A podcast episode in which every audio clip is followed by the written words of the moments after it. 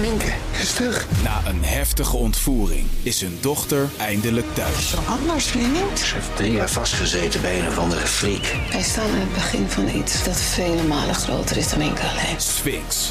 Ik ben nergens veilig. Vanaf 22 maart alleen bij Videoland. Dit is de podcast Politiek Dichtbij.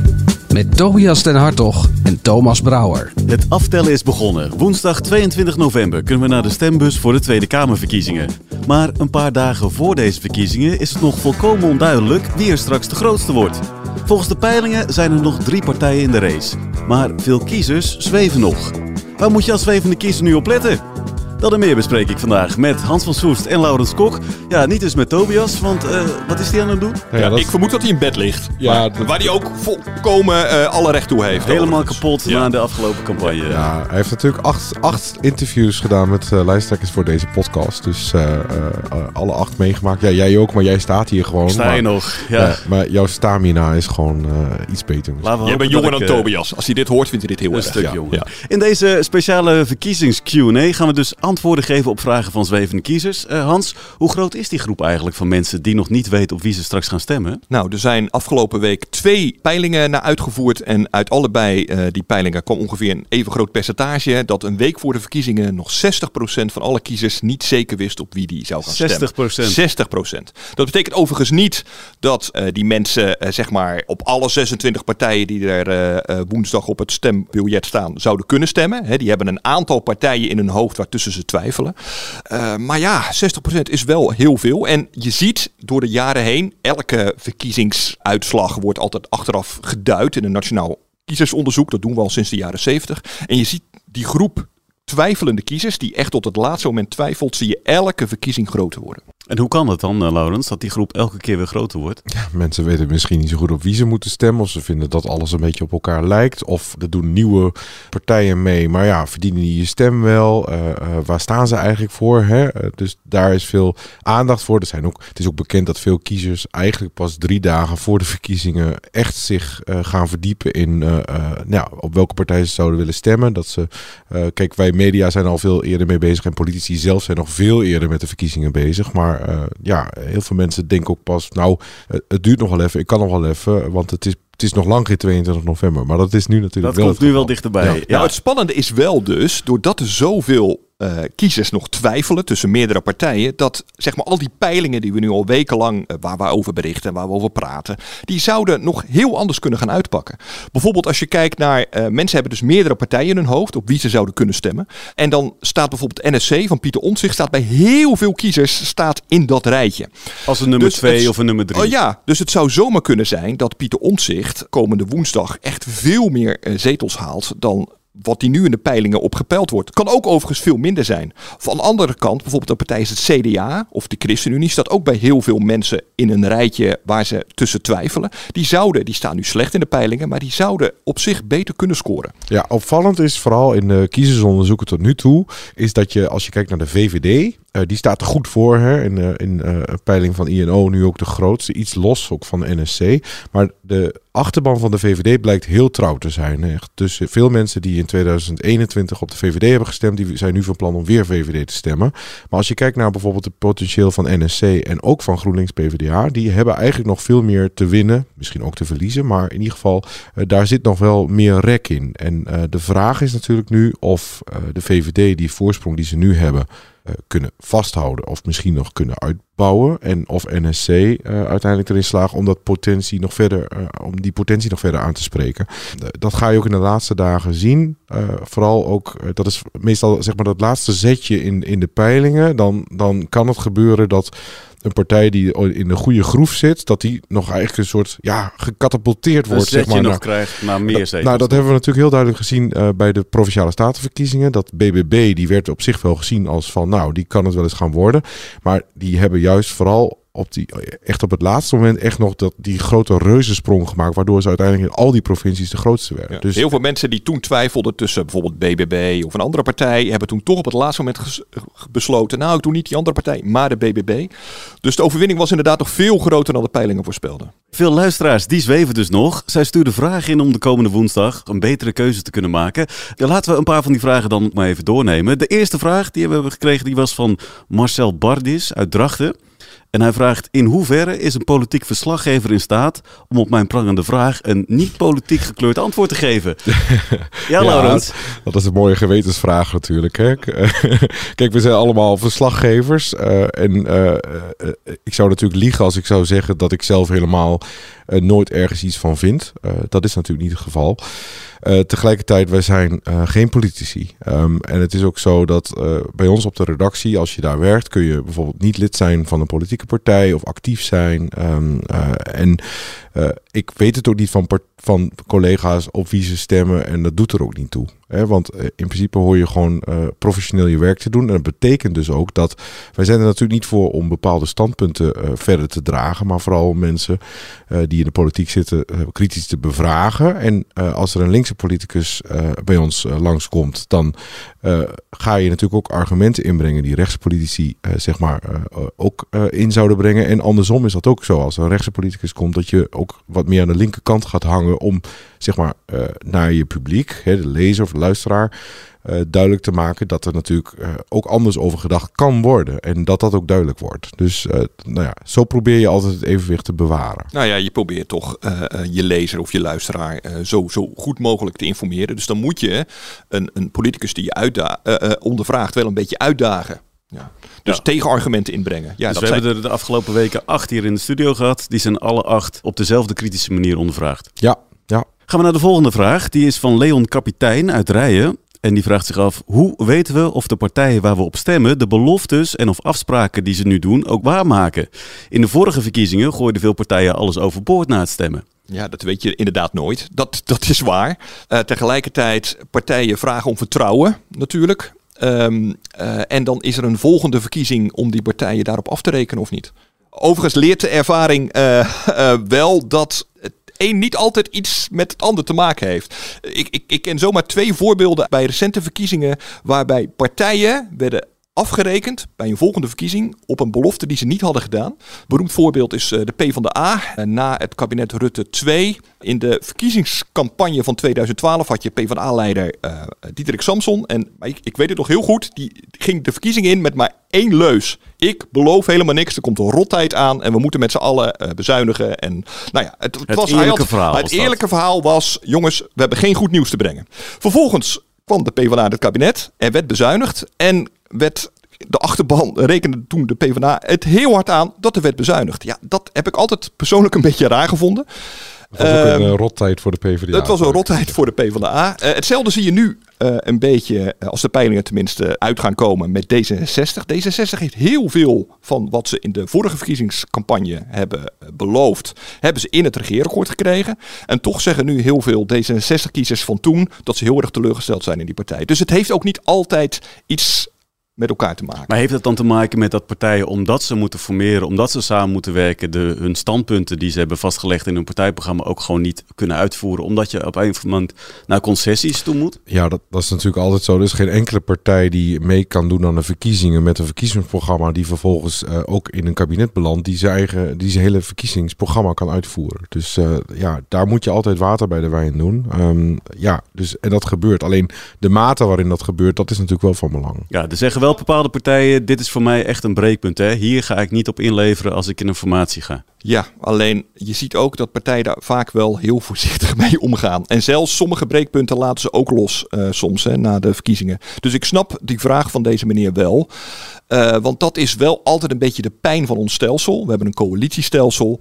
Je hebt een verkiezingscampagne waarin partijen heel veel beloven. Vervolgens gaan ze, althans een deel van die partijen, gaan na de verkiezingen met elkaar in een kamer zitten. De deur gaat dicht en dan komen ze op een gegeven moment naar buiten met een, met een regeerakkoord. En ja, Ja. daar heb je als kiezer vaak niet heel veel eh, op in te brengen. Dus dat, ik kan me wel voorstellen dat veel kiezers dan teleurgesteld zijn. Ja, het Brugse voorbeeld vind ik nog wel steeds 2010. De PVV ging toen de verkiezingen in met de belofte dat de AOW-leeftijd eh, niet verhoogd zou worden. En de dag na de verkiezingen eh, zei Geert Wilders al dat hij bereid was die blokkade op te, leven, eh, op te eh, heffen. dus eh, omdat dat hem natuurlijk positie verschafte om maar aan die onderhandelingstafel. reageren. precies, om aan, aan die onderhandelingstafel te komen. Dus, maar dat was da- zo erg heb ik het daarna nooit meer meegemaakt, moet ik zeggen. Het enige is natuurlijk hoe groter een partij is, hoe meer macht hij eventueel heeft en hoe, hoe meer druk hij kan leggen om toch bepaalde standpunten door Ja. te kunnen voeren. Ja. Of, Nou, het hoeft niet per se. Want ook als je klein bent, maar je bent wel nodig voor de meerderheid. Hè, dat zagen we bijvoorbeeld bij de ChristenUnie, bij de Mhm. laatste eh, eh, formatie. Ja, dan kun je ondanks, de ChristenUnie had maar vijf zetels. Eh, konden ze toch best veel gewicht in de schaal leggen van ja, sorry jongens, jullie hebben ons nodig. Dus eh, dan willen wij dit of dit. Ja, Dan en- eh, valt het goed te onderhandelen. Ja, en Wilders heeft natuurlijk van geleerd, hè, want dat zien we nu ook, dat hij, heeft nog steeds dingen in zijn programma staan, zoals het Koranverbod of eh, ehm, eh, minder moskeeën, of moskeeën sluiten. Ehm, en daarvan zegt hij nu al openlijk van, eh, die, kun ik, die kan ik wel tijdelijk even in de ijskast zetten. Dus hij, hij heeft geleerd ten opzichte van toen, dat hij nu al, zeg maar, zijn onderhandelingsvrijheid al een beetje eh, eh, prijsgeeft. Zo van, nou, eh, hier zal ik niet zo zwaar aan tillen. Dat is, nou ja, dat is ook op zich misschien, je zou het ook voor frissend kunnen noemen, dat een eh, partij dat doet van, nou, dat vind ik hier, dit heb ik wel de opgeschreven, maar daar hecht ik niet zoveel aan. Deze keer vind ik dat niet zo belangrijk. Ja. Dan zijn er dus eh, flink veel vragen bij ons binnengekomen van lezers die willen weten: hè, ik heb deze en deze standpunten. Welke partij past daar nu het best bij? Onder andere van Victor de Ruiter uit eh, Houten. Die zegt: Ik wil op een linkse partij stemmen, maar ben voor het Koningshuis en sta achter Israël in de strijd tegen Hamas. Waar moet ik dan op stemmen? Ja, dat, deze Victor is wel een eenzame stemmer, denk ik, eh, als je links wil stemmen en eh, Ja. hieruit wil komen. Zeker, er zijn heel veel onderzoeken namelijk gedaan naar mensen zoals Victor. Eh, er is in Nederland al heel lang een soort van gapend gat van, van kiezers die zeg maar economisch links zijn. Hè, dus die zijn voor hogere belastingen voor rijken, hogere uitkeringen, hè, dus een sterk sociaal stelsel. Maar zijn cultureel, hoe je dat ook mag noemen, wat rechtser. Dus die zijn wat behoudender als het gaat om, nou bijvoorbeeld, hij noemt het voorbeeld van eh, Koningshuis eh, en Israël. Maar het gaat bijvoorbeeld ook vaak om migratie, waar ze wat eh, conservatiever in zijn. En die groep kiezers die wordt eigenlijk heel slecht bediend door de huidige partijen. Je hebt al een aantal partijen, zoals bijvoorbeeld de ChristenUnie, die zijn sociaal-economisch links en cultureel wat rechtser, maar die zijn toch voor heel veel mensen te christelijk. Wat je wel ziet is dat Pieter Omtzigt met zijn nieuwe partij een beetje in dat gat springt nu. Maar dat is niet echt een linkse partij, toch? Eh, nou ja, het is maar net hoe je het bekijkt. Wat is een linkse partij? Nou ja, eh, een linkse partij is in ieder geval vaak een partij die eh, mensen met eh, hogere inkomens meer wil laten betalen. En dat zien we bij om zich nog niet heel duidelijk terug, zeg maar, dat hij dat ook wil. Ehm, eh, en dat zie je bij linkse partijen natuurlijk wel heel sterk terug. Hè. Miljonairsbelastingen, nou ja, hypotheekrente aftrekken op de helling. ehm, eh, dat soort eh, typisch linkse plannen, die zie je bij, bij omzicht eh, niet terug. Dus ik denk toch dat het voor deze eh vraagsteller nog steeds een beetje ja, schipperen blijft. Welke partijprogramma's zou deze Victor even moeten lezen? Welke, welke twee kunnen we dan noemen? Nou ja, de, Hans zei al, de ChristenUnie, denk ik dat, dat zeg maar, als het, die hebben een wat linksere eh, eh, sociaal-economische politiek. En zijn pal achter het Koningshuis, pal achter Israël. Dat zou kunnen. Alleen, ja, ik weet niet of deze meneer ook eh, zich zijn lang bij voelt om eh, eh, voor een conventionele partij eh, te stemmen. Hè? Want er zitten ook andere standpunten in, bijvoorbeeld over abortus. Ehm, Overigens, eh, misschien dat dat deze lezer geruststelt, dat weet ik niet. Eh, de lijsttrekker van GroenLinks PvdA, Frans Timmermans, die heeft direct al op het congres van zijn partij gezegd, eh, toen het ging over hè, de, de, de achterban die zei van moet af van het Koningshuis, heeft hij al meteen van gezegd van nou dat vind ik dus totaal niet belangrijk. Daar ga ik me niet hard voor maken. Ad van Veen uit Muiden, dat is de volgende lezersvraag, luisteraarsvraag misschien wel. Frans Timmermans, die heeft het steeds over de rijken. Die moeten meer belast worden. Maar wie zijn die rijken? Mensen die een paar ton gespaard hebben voor een pensioen en wat overwaarde hebben. Waar heeft hij het dan over? Ja, wie zijn die mensen? Ja. Hè? Zou- Zou Sigrid Kaag zeggen. Kijk, het woord rijken wordt eh, niet eh, gedefinieerd in het programma van GroenLinks PvdA. Dus daar, daar moeten we naar gissen. Maar als je het doorbladert en vooral ook even kijkt naar de CPB-doorrekening, dan kom je, krijg je toch wel een idee wie zij als rijken zien. Ehm, en dan valt het in, in grofweg twee delen uiteen. Hè? Het gaat om mensen die 150.000 euro per jaar of meer verdienen als inkomen. Eh, huishoudens hebben we het dan Ja, dus dat gaat dan vaak om mannen en vrouwen samen. Ja, Want daarvoor willen ze een nieuw toptarief invoeren van 60%. Hè, dus eh, voor elke euro die je boven die 150.000 euro verdient, dan moet je dan 60% belasting afdragen.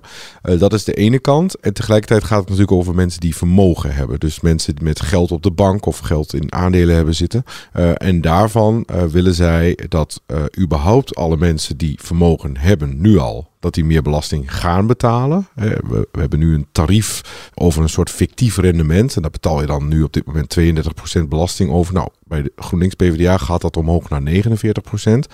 Maar daarnaast willen zij ook nog voor alle miljonairs, dus iedereen die meer dan een miljoen heeft eh, aan bezittingen. En dan gaat het niet om je eigen huis, dat is een belangrijke uitzondering. Maar het gaat dus wel om je tweede huis, of over je boot, of over eh, eh, aandelenpakketten. Dat je daar dus extra over gaat betalen. En dan eh, gaat het over dat je eh, een percentage over dat, eh, dat vermogen gaat afdragen. Dat kan oplopen tot 5%. Maar het gaat dus, als we het even kort samenvatten. Je bent rijk, volgens eh, GroenLinks PvdA, als je meer dan 150.000 euro per jaar verdient. Of al een flink bedrag op je spaarrekening, Ja. spaarrekening hebt. Ja. Rob van der Kronenberg uit Venlo, die wil weten welke partijen gaan zeker niet een coalitie vormen met Frans Timmermans. Nou ja, er is, Noem ze allemaal maar eens even op. eh. er is in elk geval geen enkele partij die eh, eh, GroenLinks PvdA echt heeft uitgesloten. Dat zou ook heel onverstandig zijn. eh, Mhm. eh, als je dadelijk nog een, een werkbare eh, meerderheidscoalitie wil hebben. Maar de kans dat bijvoorbeeld een partij als eh, de PVV ehm, gaat samenwerken met Frans Timmermans lijkt me uitermate klein. Eerlijk gezegd lijkt mij de kans dat de VVD samen gaat werken met GroenLinks PvdA ook heel klein. Al was het maar omdat het migratiestandpunt waar de VVD het vorige dit kabinet op heeft laten vallen, zo ver uiteenloopt met GroenLinks PvdA. Ja, dat lijkt me heel ongeloofwaardig. Als ze nu alsnog gaan samenwerken, maar op zich, ik ken geen enkel voorbeeld tot nu toe. Van Nee. iemand die de PvdA Nee. GroenLinks echt, of GroenLinks PvdA echt uitsluit. Nee, Ja. maar omdat de GroenLinks PvdA zelf al de PVV uitsluit, zelf al Forum uitsluit, dan werkt het ook de andere kant natuurlijk Ja. op. Hè? Dus, dus ook al heeft Wilders dat niet uitgesproken en Baudet ook niet. En partijen die wel een logische coalitiepartner zouden zijn van GroenLinks PvdA? Ja, SP, Partij voor de Dieren, Ja, D66. Check. ja. Maar, dan kom je niet aan de meerderheid. Nou, uiteindelijk gaat het hier natuurlijk ook om NSC, want die zitten zo heerlijk tussen in, in het midden. Hè? En Ja. hoe groot wordt die dan? En hoe groot wordt dan andere linkse partijen? eh, heeft eh eh, Omzicht het dan voor het kiezen? Maar ja, Omzicht zegt tegelijkertijd, ik wil een minderheidskabinet. Hè, dat is, heeft eigenlijk zijn voorkeur. En Mhm. ja, dat, dat heeft bijvoorbeeld niet de voorkeur van GroenLinks PvdA of van de VVD. Dus eh, En ook Omtzigt zei op het gebied van migratie dat het hem heel lastig samenwerken leek met GroenLinks PvdA. We gaan door naar de volgende vraag. Die is van Ferry van der Poel uit Wijk bij Duurstede. Die vraagt zich af, hoe is het in godsnaam mogelijk dat de VVD de grootste blijft? Welke mensen stemmen op die partij? Nou, hebben Nou, we weer. Wie ja. zijn die mensen? Ja, precies. Wie zijn toch die dat mensen? is wel een beetje. Nou ja, het klinkt wel alsof Ferry eh, wel klaar is met, eh, met de VVD. Ik dat krijg denk wel ik. een beetje dat idee als ik deze vraag zo lees. Ja. Ehm, maar er zijn ook heel veel Nederlanders eh, die niet klaar zijn met de VVD. Dat blijkt natuurlijk ook uit de peilingen. En als je ook kijkt naar het kiezersonderzoek dat erachter ligt. eh, dat betekent ook dat er een aantal, eh, flink aantal kiezers die vorige keer VVD heeft gestemd, nog steeds vindt dat de VVD gewoon een, een goede, stabiele partij is die verantwoordelijkheid neemt. Maar het is een soort, als je die mensen dan moet plaatsen, blijkt uit die onderzoeken, dan zijn het vaak mensen die eh, iets nou, meer dan gemiddeld verdienen in Nederland. eh, eh, en die wat hoger opgeleid zijn. Ook weer niet het allerhoogst opgeleid van Nederland. Nee, die zitten vooral bij GroenLinks PvdA. Ja, ja. Ja. Ehm, maar eh, ja, het zijn mensen die vinden eigenlijk dat het wel eh, goed gaat met Nederland. Ehm, of in ieder geval voor hun. eh, voor Mhm. hen gaat het wel goed. Ehm, en vinden dus ook dat, dat die partij nou ja, stabiel is en, en, en toch weer nou ja, het landsbes- landsbestuur is toevertrouwd. Ja. Nou ja, dat is natuurlijk wel. Ik, ik snap, deze vraag kregen we namelijk, kan ik me nog herinneren, in de vorige, vorige verkiezingscampagne ook heel erg. Hè? Van hoe kan het nou toch eh, dat de VVD toch weer de grootste is geworden? Het gaat zo slecht met Nederland. Nou, dat laatste, dat klopt niet helemaal. Het gaat helemaal niet zo slecht met Nederland. De Toch is werkloosheid dat is wel wat je hoort deze campagne natuurlijk. Ja, ja, ja. Nou, het het- gaat het slecht met een deel van Nederland. Ja, maar tuurlijk. met het merendeel van Nederland gaat het niet slecht. En die mensen, ja, die zijn helemaal niet zo ontevreden met hoe het gaat in Nederland. Dus die zullen niet automatisch allemaal dus anti-VVD zijn. Gaan we naar de volgende. Dat is Kees van Dongen uit Oosterhout. Die vraagt zich af, ik doe altijd de stemwijzer en aan de hand van dat maak ik mijn beslissing. Al jaren komen hier de linkse partijen naar voren. Dit jaar is het echter de VVD en NSC die bovenaan verschijnen. Hoe kan dat ineens gedraaid zijn? Ja, nou ja, de vraag is of, of, of Kees gedraaid is of dat de partijen Maar gedraaid zijn, zijn de VVD en NSC naar links opgeschoven dan? Het hele speelveld is naar links opgeschoven. Ehm, Dus in eh, zoverre is het niet zo gek dat hij deze uitslag krijgt. eh, dat niet, nee, dat denk ik niet. Ehm, kijk, als het bijvoorbeeld gaat om typisch eh, linkse standpunten van voorheen van we moeten meer doen aan armoedebestrijding, we moeten een hoger minimumloon, dat soort dingen. Je ziet over de hele linie partijen die dat willen. Ook de VVD bijvoorbeeld, ehm, eh, die, die dat wil. Alleen, er zit natuurlijk wel in de maatvoering zit daar wel verschil in. Hè? Linkse partijen willen daar veel, veel meer aan doen dan, dan bijvoorbeeld de VVD. Ehm, maar het gaat ook om de thematiek die in die stemwijzers terugkeert. Hè, de stemwijzer van eh, eh, eh, nou ja, de stemwijzers die zoals die nu zijn, die hebben andere vragen eh, dan de vorige keer. Ik vind het ook, mag ik daar in persoonlijke eh eh, hartekreet? Ik vind de stemwijzer, de officiële hè, stemwijzer.nl, dit jaar ook echt heel raar. Er zitten, Want, eh, waarom? nou, er zitten heel veel thema's die ehm, eh, de kiezers bezighouden, zitten er amper in. Zorg, woningnood. Maar er zit er bijvoorbeeld wel een vraag in over ehm, eh, visumplicht voor Surinamers. Ik denk niet dat heel veel kiezers daarmee bezig zijn. Ehm, dus ik vind het, ja, ik vind de stemwijzer dit jaar. Ik snap wel dat heel veel mensen er een beetje mee worstelen. Er Ja. zijn wel meer alternatieven. Nou ja, kiezen wij even-? Even, Niet even van onszelf, van. Ja. Precies, hè, we hebben een eigen kieswijzer. eh, en daar zitten niet van dit soort eh, gekke vragen in. Dus eh, eh, hij staat gewoon op onze website. Dus vul die vooral in. En eh, Kees, eh, kijk eens even of hoe je daaruit komt. Corn Jansen uit Zwijndrecht. Die wil weten waarom weten VVD en D66 nu in verkiezingstijd wel hoe ze de veroorzaakte grote problemen op kunnen lossen. Ja, ja Nou, dat, is, dat is het lot het- van elke regeringspartij, denk ik. Dat is waar. Tegelijkertijd, als ik kijk naar deze twee regeringspartijen en je kijkt naar wat het huidige kabinet waarin zij inzaten al heeft ingezet om bijvoorbeeld een groot probleem als de woningnood aan te pakken, dan, dan wijken ze niet, daar niet heel erg veel van af. Dus eigenlijk kun je ook stellen, ja, het is maar net, je kunt de vraag ook omdraaien, eh, ze wijken niet af van wat ze eigenlijk al vinden. Mhm. Eh, ja, zij vinden dat ze ehm, eh, bijvoorbeeld als het gaat om de woningnood, ja, dat we door moeten gaan op deze weg. En het is natuurlijk de vraag of de woningnood helemaal is veroorzaakt door deze partijen. Dat zit een beetje besloten in deze vraag. Ehm, die partijen zullen dat zelf in ieder geval niet vinden. Ehm, eh, de vraag is natuurlijk wel of de maatregelen die ze hebben genomen tot nu toe effectief zijn geweest om dat te bestrijden. Of het misschien ook wel hebben verergerd. Hè? Dat soort vragen kun je natuurlijk wel stellen. Ehm, maar in hoeverre dat uiteindelijk eh, geloofwaardig is, dat is natuurlijk aan kiezers. Hè? Want dit is ook waar, waarom we ook naar de stembus gaan. Als we vinden dat een partij op wie je vorige keer je stem hebt gegeven, dat die het gewoon niet goed heeft gedaan. En die je vorige keer dus hebt geloofd eh, dat die dat ging doen en, en, en die levert niet. Ja, dan kun je dus nu ook prima op een andere Het partij moment om de rekening eh, Ja. op te maken dan. Ja. Ja, Ja. ja. En wat je ook ziet, ehm, wat we noemden nu het woningnood als aanpak van een woningnood als probleem. Ander groot probleem was natuurlijk, hè, dat was een thema dat misschien in eh, 2021 iets meer speelde dan nu, maar was eh, eh, de afhandeling van de toeslagenaffaire. Bijna alle partijen, ook D66 en VVD, willen daar echt wel in de toekomst toe naar een ander systeem. Hè, zodat we afgaan van die toeslagen, zodat mensen, eh, het allemaal minder ingewikkeld wordt voor mensen. Alleen zo'n ander systeem, dat blijkt echt fucking ingewikkeld om te bedenken. Een nieuw systeem te bedenken waarbij mensen niet op achteruit gaan.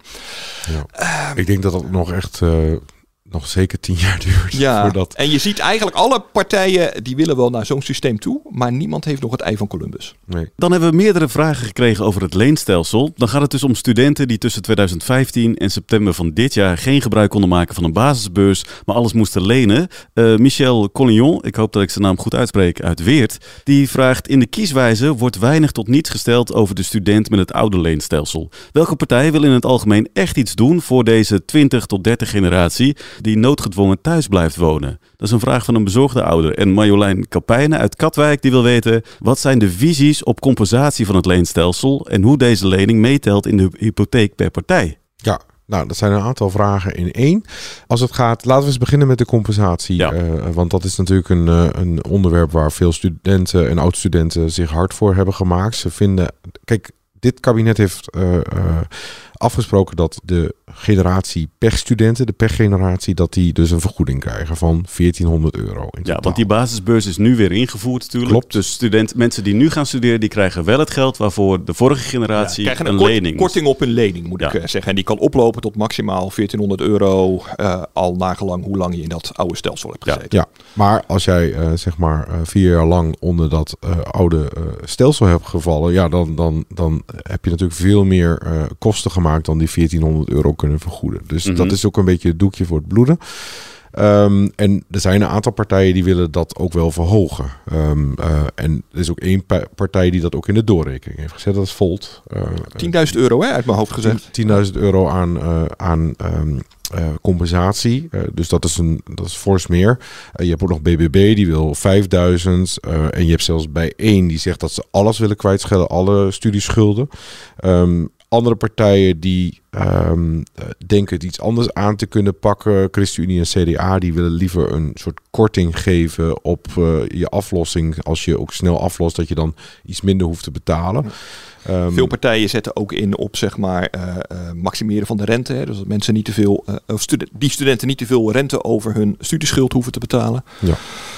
Dat is onder andere GroenLinks, PvdA en D66. eh, En op de dat. vraag van die andere meneer of mevrouw, dat weet ik niet meer, terug te komen van eh, over hypotheek. Bijna Ja. alle partijen beloven eh, dat het niet zou moeten meetellen bij het aanvragen van hypotheek. Alleen nu is ik dat wel kan zo ja, nou ja, ik kan me dus heel goed voorstellen dat studenten die dit horen denken, ja, dat heb ik eerder gehoord. Dat klopt. Toen namelijk eh, dat vorige stelsel werd ingevoerd, werd ook beloofd dat het niet zou meetellen eh, bij eh, het aanvragen van een hypotheek.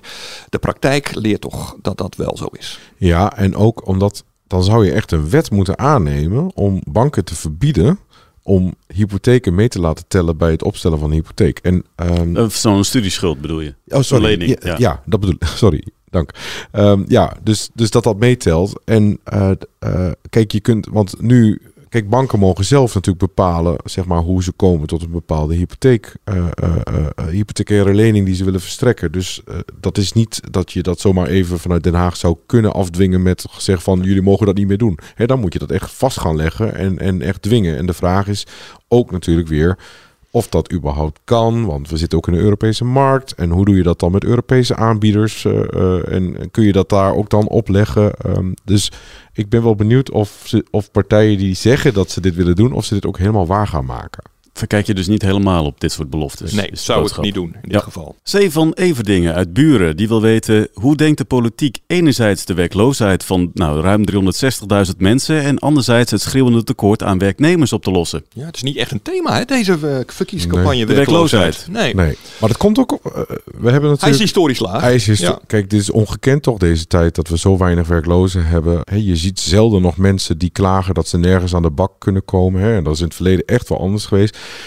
En er is natuurlijk nog wel een hardnekkige groep, zeker wat oudere, of ouderen, nou ja, eh, Ja. 50-plussers. Ben je al snel eh, oud? Ja. Ja, daar ben je al snel Ja. oud. Maar daar, daar is het probleem nog niet altijd eh, weg. Eh, maar over het algemeen komen eh, veel mensen gewoon makkelijk aan een baan op dit moment. En dat mensen nog werkloosheid, wer- werkloos zijn, dat is vaak ook omdat ze eh, een soort tussen, eh, tussen twee banen in zitten, zeg maar. Dus, en dan ben je even werkloos en dat telt dan mee in de statistieken. Maar dat is niet gelijk dat die mensen zeg maar, al heel lang aan de kant zitten. Maar ons werkloosheidscijfer zegt natuurlijk niet alles. Hè. We hebben ook nog een hele grote groep van ongeveer een miljoen mensen die eh, op dit moment niet werkt, eh, terwijl die dat eh, nou, wel zou kunnen. Alleen die kiest er bijvoorbeeld voor om thuis te blijven, eh, ehm, huisvrouw te zijn of mantelzorger te zijn. Ehm, nou ja, en daarvoor heb je natuurlijk wel maatregelen eh, die partijen hebben om te zorgen dat je bijvoorbeeld eh, zorg en werk beter zou kunnen combineren. Om, hè, dan gaat het bijvoorbeeld over kinderopvang of over verlofregelen voor mensen die mantelzorgen. Eh, daar zit wel echt partijen die daarvoor met voorstellen komen. En dan heb je nog het punt van, zou je ehm, eh, mensen die werken, moeten we ook zorgen dat die er genoeg aan overhouden. Hè? Want dat is eh, een veel gehoorde klacht is van... oké, je gaat vanuit een uitkering aan het werk, eh, dan ga je werken... maar dan verlies je heel veel aan toeslagen. Dan loont Eh, het niet om te gaan werken. Nou, en daar, nou, daar amper. verschillen de partijen dus wel duidelijk in. Dus eh, eh, om op die vraag van die meneer terug te komen, eh, bijvoorbeeld de, nou, heel simpel gezegd, wat meer rechtse partijen willen het verschil tussen uitkeringen en, en lonen vergroten, hè, zodat het aantrekkelijker wordt om aan de slag te gaan. Eh, eh, de wat meer linkse partijen zetten in op eh, meer gesubsidieerde arbeid. Bijvoorbeeld, bijvoorbeeld GroenLinks uh, PvdA zet in op, uit mijn hoofd gezegd, 20.000 of 40.000, wat we vroeger melkertbanen zouden noemen. Het heet tegenwoordig basisbanen. Dat zijn mensen die nu werkeloos zijn en die met subsidie aan de slag zouden kunnen op allerlei nou ja, scholen en dat soort dingen. De laatste vraag die we hebben, die gaat over migratie en asiel. Uh, dat zijn er twee. Niels de Kruif uit Hazeswouderij, die vraagt zich af... natuurlijk wil ik alle mensen in nood helpen... maar ik wil heel graag een partij kiezen die de migratie onder de loep wil nemen. Minder instroom, meer controle wie er binnenkomt en wie er mag blijven. Niet zomaar gezinshereniging, zodat Nederland eerst orde op zaken kan stellen. Wie moet ik kiezen? En J. Borst uit Tiende Veen die vraagt zich af... wie gaat nu eens echt wat doen aan die asielstroom? Wie staat er nu eens op om daar een flinke klap op te geven? Nou... Ja, asiel. Hè, dit gaat in beide gevallen, als, je het, als ik het uh, zo beluister, hè, als het gaat over uh, instroom, controle, wie er binnenkomt, wie mag er binnenkomen, gezinshereniging, heeft allemaal te maken met asiel. Dat is natuurlijk een onderdeel van de migratie die naar Nederland uh, uh, komt. Je kunt zeggen dat vooral eh, partijen in het centrum of rechts van het centrum daar het meeste aan willen doen. Die, die, die willen echt de asielinstroom uh, indammen, zoals dat dan uh, heet. En dat betekent dat ze, uh, nou ja, die komen met richtgetallen en die komen met strengere zeker, maatregelen. Zeker aanpakken van de gezinshereniging. Waar ja. dan een aantal linkse partijen, zoals GroenLinks, P van de A en ChristenUnie van hebben gezegd, dat gaan we never nooit niet doen. Of nooit aan banden leggen. Ja, maar migratie is ook arbeidsmigratie. En dat is een veel grotere stroom die naar Nederland komt. En dat zijn mensen die vanwege het vrije verkeer van personen in Europa ook hier gewoon naartoe mogen komen. Hè? Dus je, je kunt die mensen ook eigenlijk niet weren. Um, en ook daar uh, zijn natuurlijk wel partijen die daarvoor uh, plannen hebben in hun uh, verkiezingsprogramma. Um, bijvoorbeeld door, nou wordt gedacht, als je het minimumloon verder verhoogt, dan wordt het duurder om dit soort mensen in dienst te nemen, want die werken vaak tegen minimumloon. Um, en dan prijzen we onszelf gewoon uit de markt, maar dan, dan verliezen we een bepaald, bepaalde business die we eigenlijk ook best in Nederland kunnen missen. Um, uh, want dat is ook wel uh, de vraag uh, die partijen stellen van wat voor economie willen we eigenlijk? Willen we distributiecentra waar mensen tegen lage lonen werken? dat geldt ook voor slachterijen of je ziet in de inderdaad, tuinbouw. Als je al die verkiezingsprogramma's langs elkaar legt, dan zie je toch eigenlijk wel dat een volgend kabinet, het moet wel heel gek lopen, wil die de arbeidsmigratie inderdaad niet uh, verder willen beperken. En dat is inderdaad, zoals Laurens zegt, best lastig hè, door Europese regels. Maar heel veel partijen, en dat is echt wel een meerderheid als je naar de peilingen kijkt, willen inderdaad uh, uh, lage lonen arbeid, hè, zoals in slachterijen en distributiecentra, eigenlijk onaantrekkelijk maken. Um, dat kan bijvoorbeeld door verplichtingen op te leggen aan werkgevers. Door te zeggen, nou je moet minimaal zoveel geld betalen. Of je moet zorgen dat al die mensen een fatsoenlijk huis hebben. Nou ja, dat is niet te doen. Dus dan is het onaantrekkelijk om hier een distributiecentrum uh, te beginnen. En op die manier de arbeidsmigratie tegen te gaan. Er is één partij die er wat vager over is. Dat is BBB. Uh, die blijft erop hameren. Jongens, uh, we hebben heel veel van dat soort werk ook nodig. Maar dat is ook logisch. BBB is een toch ook een landbouwpartij. En in de landbouw wordt heel veel met arbeidsmigranten gewerkt. Dan zijn we dus een beetje doorheen, uh, jongens, door, door, de vragen. Voor jullie uh, komen er ook nog wel wat drukke dagen aan. Het is nog geen woensdag tenslotte. Nou ja, het is vooral veel verhalen nog voorbereiden. Uh, want... Voor na de... Ja, nou ja, we willen natuurlijk ook mooie kranten nog maken. En ook de website goed bedienen. Dus er komen nog een aantal grote debatten aan. nou ja, dit weekend hebben we nog het jeugdjournaal debat. Maar maandag is het grote debat bij één Vandaag. En dinsdag het traditionele slotdebat bij NOS. Dus daar doen we ook verslag van. Uh, en tegelijkertijd um, uh, ja, probeer je toch ook de vinger op die campagne te houden. Van zien we nog uh, verschillende um, ontwikkelingen waar we toch nog iets mee. Ja, van, iedereen is natuurlijk benieuwd van blijft het zoals het nu is. Met een kleine voorsprong van VVD, NSC erachter en dan GroenLinks, PvdA, PVV. Of zien we toch nog wel dat daar ook nog wel verschil in komt. Dus, is er nog een grote kans dan dat de komende dagen echt nog wat gaat veranderen? Nou ja, 60% van de, van de kiezers die dus nog geen keuze heeft gemaakt. Dus ja, het kan echt nog wel flink veranderen. Ja, zeker. zeker. We weten echt nog niet wie er uh, uh, nakomende woensdag de grootste kans maakt om in het torentje te komen. Dat weten we echt nog niet. Ja, zoals, hele zoals de peilers zelf altijd zeggen, peilingen zijn geen voorspellingen. Het is alleen een momentopname. Tot zover deze aflevering. Wij zijn er woensdagnacht weer. Dan bespreken we in deze podcast podcast de voorlopige uitslagen van de verkiezingen. Wil je onze gesprekken met de lijsttrekkers van de grootste politieke partijen terugluisteren? Kijk dan op ad.nl slash politiek erbij. En wil je geen aflevering missen? Abonneer je dan. Dat kan via Spotify en Apple Podcast. Woensdag, dan zijn we er dus weer. Tot dan.